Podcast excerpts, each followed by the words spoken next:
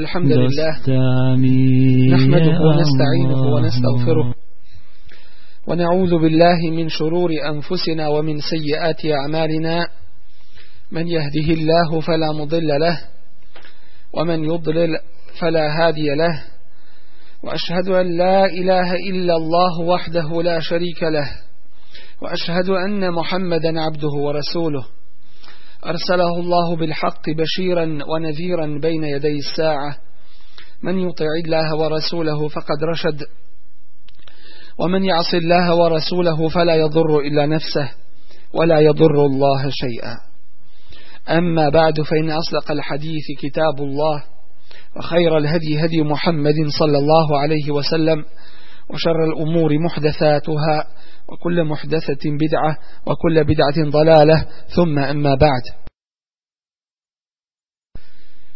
Poštovana braćo, uzvišeni Allah tabaraka wa ta'ala uspostavio je svoje zakone po kojima se sve kreće i vlada. Od tih zakona je propisao svoje propise, propisa ove vjere koji garantuju ovome ummetu bezbjednost, sigurnost, obskrbu i pravdu koju ne samo da će imati među sobom, već će i drugima podijeliti. Doćim kada se naš ummet toga odrekao, kada je napustio rad po Allahovim propisima, onda nam se dešava ovo što se dešava. Još uvijek je velika opasnost nadvila se nad našom braćom u Iraku posebno, a ništa manje i na drugim mjestima gdje se vode ogorčene borbe. Posebno napominjem ovo prvo gdje su osvajači ostavili da red ne uvedu u tu zemlju tako da postoji velika opasnost i mogućnost da dođe do unutrašnjih sukoba i ratova koji će oslabiti cijelo to područje i muslimane na tome području, a nakon toga će mnogima lako biti da što više iscrpljeno to mjesto iskoriste, da što više svoje usluge naplate i bolje da svoju vlast na tim područjima uspostavi. Nesumnjivo da je dužnost ovoga ummeta da zauzme ono mjesto koje mu pripada u svijetu, a to će se samo desiti vraćanjem, istinski vraćanjem dini islamu i radu po propisima ove vjere. Nastavljajući kazivanje o kaburskom azabu, što je prvo veliko iskušenje čovjeku nakon smrti, nakon što smo govorili o uzrocima koji dovode do kaburskog azaba, a to je jednostavno rečeno svaki vid grijeha i griješenja koje čovjek čini u životu na ovome svijetu. Kaburski azab je u stvari izliv Allahove srđbe prema onome ko se ogriješio uzvišenom Allahu tabaraka wa ta'ala. Gledajući na ljude i njihove postupke, možemo zaključiti da je većina ljudi u kaburskom azabu. Većina ljudi su u patnji, u grobovima u kojima se nalaze. Mi izvana gledamo zemlju i kamenje koje je ukrašeno i izgrađeno nad grobovima. A nismo ni svjesni u kakvim belajima su stanovnici tih grobova i kakvi musibeti ih zadešavaju u njima kao što neki opisuju da ti grobovi u stvari ključaju kao što kota oključa sa onim što je u njemu. Nesumnjivo da će svako pametan da učini sve da se sačuva toga. I nesumnjivo da je to veliki belaj i veliki musibet što saznajemo iz dove koju je neprestano učio Allaho poslanik alaihissalatu na kraju svoga namaza prije nego što preda selam. A to je dova Allahumma inni uzu bika min azab Allahu sačuvaj me kaburskog azaba. Na svakome namazu. Što je i nama velika poruka i pouka da najozbiljnije shvatimo ovo pitanje koje je od pitanja gajba nama nevidljivog, a koje nekada Allah tebareke ve taala pokaže ljudima da bi uzeli veliki ibret i veliku pouku iz svega toga. Najveći uzrok da se čovjek sačuva kaburskog azaba jeste sa Allahovom pomoći da se čuva grijeha i griješenja. jesu su grijesi ti koji čovjeka dovode do Allahove kazne. Čovjek bi trebao svaki dan da obnavlja svoju teubu. Allaho poslanik selam u toku dana je znao po 70 puta istigfar činiti. Moliti Allaha te bareke wa taala za oprost. Svaki dan da shvatimo i da se zamislimo kao da nam je to posljednji dan našega života. Da svoje račune preispitamo. Da vidimo jesmo li kome dužni šta ostali. U pogledu nas i Allaha te barakeva ta'ala i njeg, obaveza prema njemu. U pogledu nas i nas samih prema našem zdravlju, prema našem životu, prema našem imetku, prema našem razumu i prije svega prema našoj vjeri. U pogledu nas prema Allahu te barakeva ta'ala kao našem stvoritelju da se dobro preispitamo. Da budemo određeni, opredjeljeni zašto smo u svome životu. Da se ne zanosimo da imamo vremena, jer ne znamo kada će kome smrt zakucati na vrata, a tome se čovjek suprostaviti ne može. To je najveći uzrok sa Allahovom pomoći da se čovjek sačuva kaburskog azaba. Allahu poslanik ali selam nam kaže u svome hadisu koga bilježi imam i Buhari kada umre neko od vas jutra dakle jutrom i uveče pokazuje mu se njegovo mjesto pa ako je bio od stanovnika džehennema pokazuje mu se njegovo mjesto u džehennemu i kaže mu se ovo je tvoje mjesto sve dok te Allah te bareke ve taala ne proživi na sudnjemu danu. Dakle, čovjek je dužan da se zaštiti kaburskog azaba, čuvajući se grijeha i griješenja s jedne strane i čineći dobra djela koliko god više je u mogućnosti. Hadis koga bilježi imam Ibn Hibban kaže kada neko od vas bude postavljen u kabur dođe mu namaz sa strane glave a post sa desne a zekat sa lijeve strane a dobra djela dobročinstvo sadaka sve što je pohvalno održavanje rodbinskih veza dođe ispod nogu pa mu se priđe s glave, a namaz kaže s moje strane mu prilaska nema. Tako kaže i post, i zekjat i druga dobra djela. Pa onda biva pitan Allahovom poslaniku Muhammedu sallallahu alaihi ve sellem. Zašto on odgovara? To je Allahov poslanik koji je došao sa istinom. Zatim mu se otvori da vidi svoje mjesto u džennetu. I kaže mu se ovo je tvoje mjesto u džennetu. A onda mu se pokaže i mjesto u džehennemu i kaže mu se ovo bi bilo tvoje mjesto da nisi vjerovao. U suprotnom, ako ne bude bio od onih koji su držali do namaza, koji su držali do ostalih ibadeta i obaveza u pogledu Allaha barake wa ta'ala zasigurno da neće imati te zaštite primjer nam je vrlo dobar toga kaburskog iskušenja koje je drugačije nego kaburski azab u primjeru poznatog ashaba Sa'ad ibn Muaza kome Allah barake wa ta'ala dovu primio znamo da je bio od učesnika bitke na Hendeku i bio je ranjen tom prilikom. Iako borbe nije bilo, ali je bio ranjen od strane neprijatelja. Pa je rekao Allahu, ako je ovo posljednja naša borba među nas muslimana i mušlika, ti me uzmi sebi. I Allah mu je tu dovu uslišao. Onaj kome je dozvolio Allahu poslanik, ali i da presudi židovima, koji su tom prilikom iznevjerili, ugovor. Pa kada je on presudio poznatom presudom, tada je rekao za njega Allaho poslanik ali selam tako mi je Allaha presudio si presudom onoga koji je iznad sedam nebesa.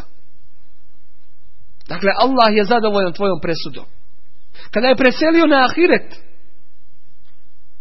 kaže za njega Allaho poslanik ali selam Allahov arš se uzdrmao zbog smrti Sadove. Ali kada ga je spustio u kabur, rekao je subhanallah, čudeći se. Pa pitaju ashabi zašto Allaho poslaniće. A on kaže kada neko od vas bude stavljen u kabur. Stisne ga njegov kabur. Tako da mu njegove kosti na rebrima prolaze jedna kroz drugu. Ali mu se Allah smilovao pa mu je olakšao. Njemu koji je imao ove odlike i ove posebnosti među ashabima. A šta je sa drugima? Od uzroka koji se spominju da sa Allahovom pomoći čuvaju čovjeka od kaburskog azaba jeste čuvanje Allahovih granica. To jeste stajanje i stražarenje na svakome mjestu s kojeg postoji opasnost da muslimani budu napadnuti. Kaže Resulullah sallallahu u hadisu koga bilježi imam muslim Ribatu jeumin wa lejletin hajrun min sijami šehrin wa qiyami. Stražarenje na Allahovom putu bolje je nego post cijeli mjesec dana i klanjanje. Wa in mate uđri alejhi ameluhu lezi kane jamel. A ako umre, nastave mu se pisati njegova dobra djela koja je činio za svoga života. Wa ujri alayhi rizquhu I nastavi mu se davati njegova nafaka. Njegov rizk, obskrba. Wa emin el fetan i biva sačuvan kaburskog iskušenja. od uzroka koji čovjeka sa Allahovom pomoći štite od kaburskog azaba jeste da čovjek dadne svoj život kao šehid na Allahovom putu. Hadisu koga bilježi imam je Nesai, jedan od ashaba pita Allahovog poslanika ali sato selam ma balul mu'minine juftenune fi kuburihim illa šehid šta je s muminima koji bivaju iskušavani u svojim kaburima samo ne šehid, a on odgovara i kaže kefa bi barikati sujufi ala ruusim fitne. Dovoljno im je iskušenja sjevanje sablji iznad njihovih glava. A u drugom hadisu koga bilježi imam Ibn Mađe i Tirmizi, a riječi su koje prenosi imam Ibn Mađe od Allahovog poslanika, ali sad se gdje se kaže šehid ima šest odlika. Li šehidi situ hisal. Prva je يغفر lehu inde أول دفعة min demi. oprašta mu se kod prve kapi krvi opraštaju mu se grijesi ويجار min عذاب القبر i biva sačuvan kaburskog azaba وَيُرَا مَقْعَدَهُ I pokaže mu se njegovo mjesto. وَيَأْمَنُ مِنَ الْفَزَعِ الْأَكْبَرِ I biva siguran od velikog straha kada ljudi budu proživljavani na sudnjemu danu.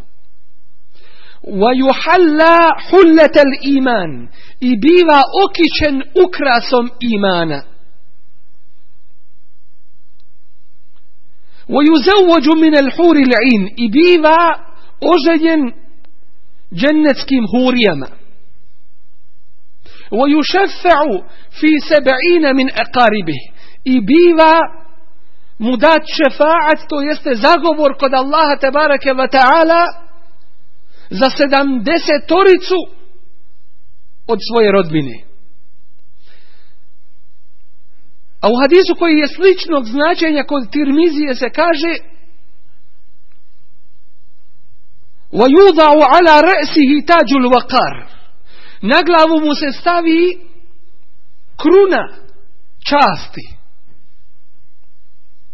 El jakute tu minha hajrum mine dunja o فِيهَا Jedan dijamant na tome tađu na toj kruni bolji je i vrijedniji od svega na ovome svijetu. Bolji od ovoga svijeta i svega na njemu. وَيُزَوَّجُ بِسْنَتَيْنِ وَسَبْعِينَ مِنَ الْحُورِ الْعِينِ I biva oženjen sa 72 dženneske hurije. To je šehid. Koji je dao svoj život na Allahovom putu. Koji između ostalog biva sačuvan kaburskog azaba. Zatim onaj ko se bude družio sa Kur'anom.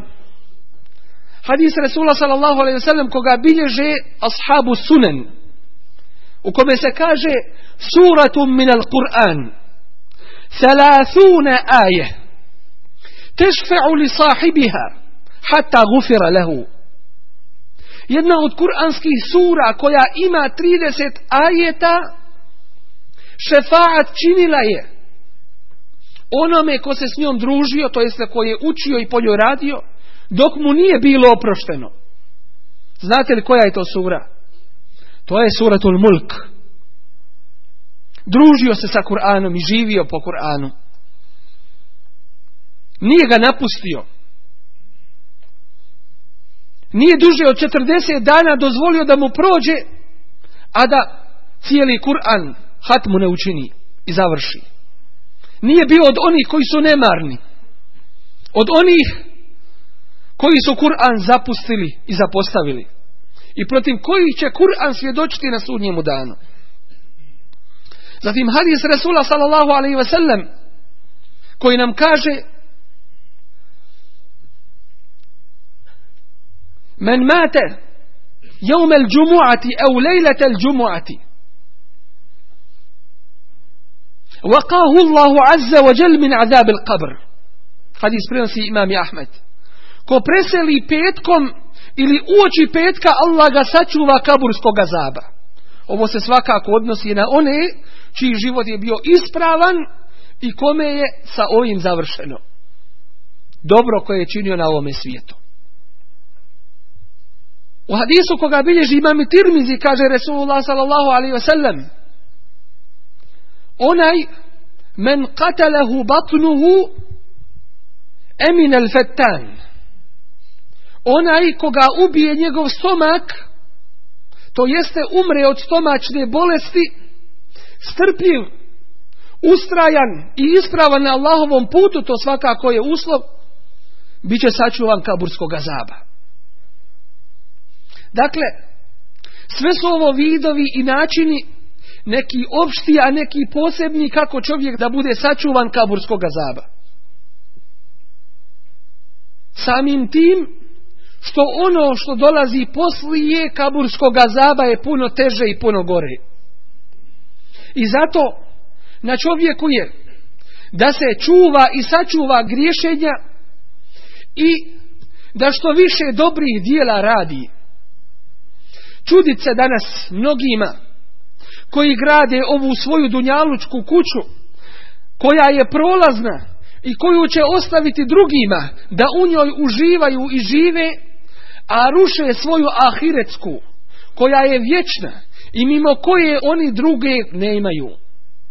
imaju se takvima koji neprestano te obu i vraćanje Allahu odgađaju, a ne znaju kada je ta sekunda i taj trenutak kada će im život oduzet biti.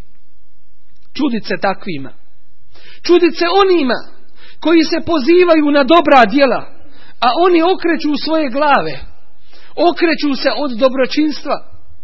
Čudit se takvima, jer im se nudi dobro, a oni ga sobom odbijaju. Molimo Allaha te barake ta'ala da nas učini od onih koji rade po njegovoj vjeri, od onih koji su mu pokorni, od onih koji se čuvaju svih griha i griješenja, koji se međusobno potpomagaju na dobročinstvu i bogobojaznosti, a ne na grijehu i neprijateljstvu. قولوا قولي هذا واستغفر الله لي ولكم ولسائر المسلمين من كل ذنب فاستغفروه انه هو الغفور الرحيم. الحمد لله رب العالمين والعاقبه للمتقين ولا عدوان الا على الظالمين. صلى اللهم على نبينا محمد وعلى آله وصحبه أجمعين اللهم أعز الإسلام والمسلمين اللهم انصر من نصر الدين واخذل من خذل المسلمين وعلي كلمة الحق والدين يا رب العالمين اللهم انصر جيوش المسلمين وعساكر الموحدين اللهم كن لهم ولا تكن عليهم اللهم افرغ عليهم صبرا وثبت أقدامهم وانصرهم على القوم الكافرين اللهم ول أمورنا خيارنا ولا تول أمورنا شرارنا اللهم إنا نسألك الهدى والتقى والعفاف والغنى اللهم إنا نسألك موجبات رحمتك وعزائم مغفرتك والعزيمة على الرشد والفوز بالجنة والنجاة من النار اللهم إنا نسألك علما نافعا ورزقا واسعا وعافية من كل بلاء وشفاء من كل داء اللهم إنا نسألك لإخواننا المستضعفين المسجونين والمعتقلين اللهم فرج عنهم اللهم ردهم إلى أه-، أهاليهم سالمين غانمين غير خزايا ولا مفتونين اللهم عليك بمن عادانا وعاد هذا الدين اللهم أحصهم عددا اقتلهم بددا ولا تغادر منهم يا مولانا أحدا اللهم إنا نعوذ بك من جهد البلاء ودرك الشقاء وسوء القضاء وشماتة الأعداء اللهم إنا نعوذ برضاك من سخطك وبمعافاتك من عقوبتك وبك منك لا نحصي ثناء عليك أنت كما أثنيت على نفسك وصل اللهم على نبينا محمد وعلى آله وصحبه وسلم وأقم الصلاة إن الصلاة تنهى عن الفحشاء والمنكر ولذكر الله أكبر والله يعلم ما تصنعون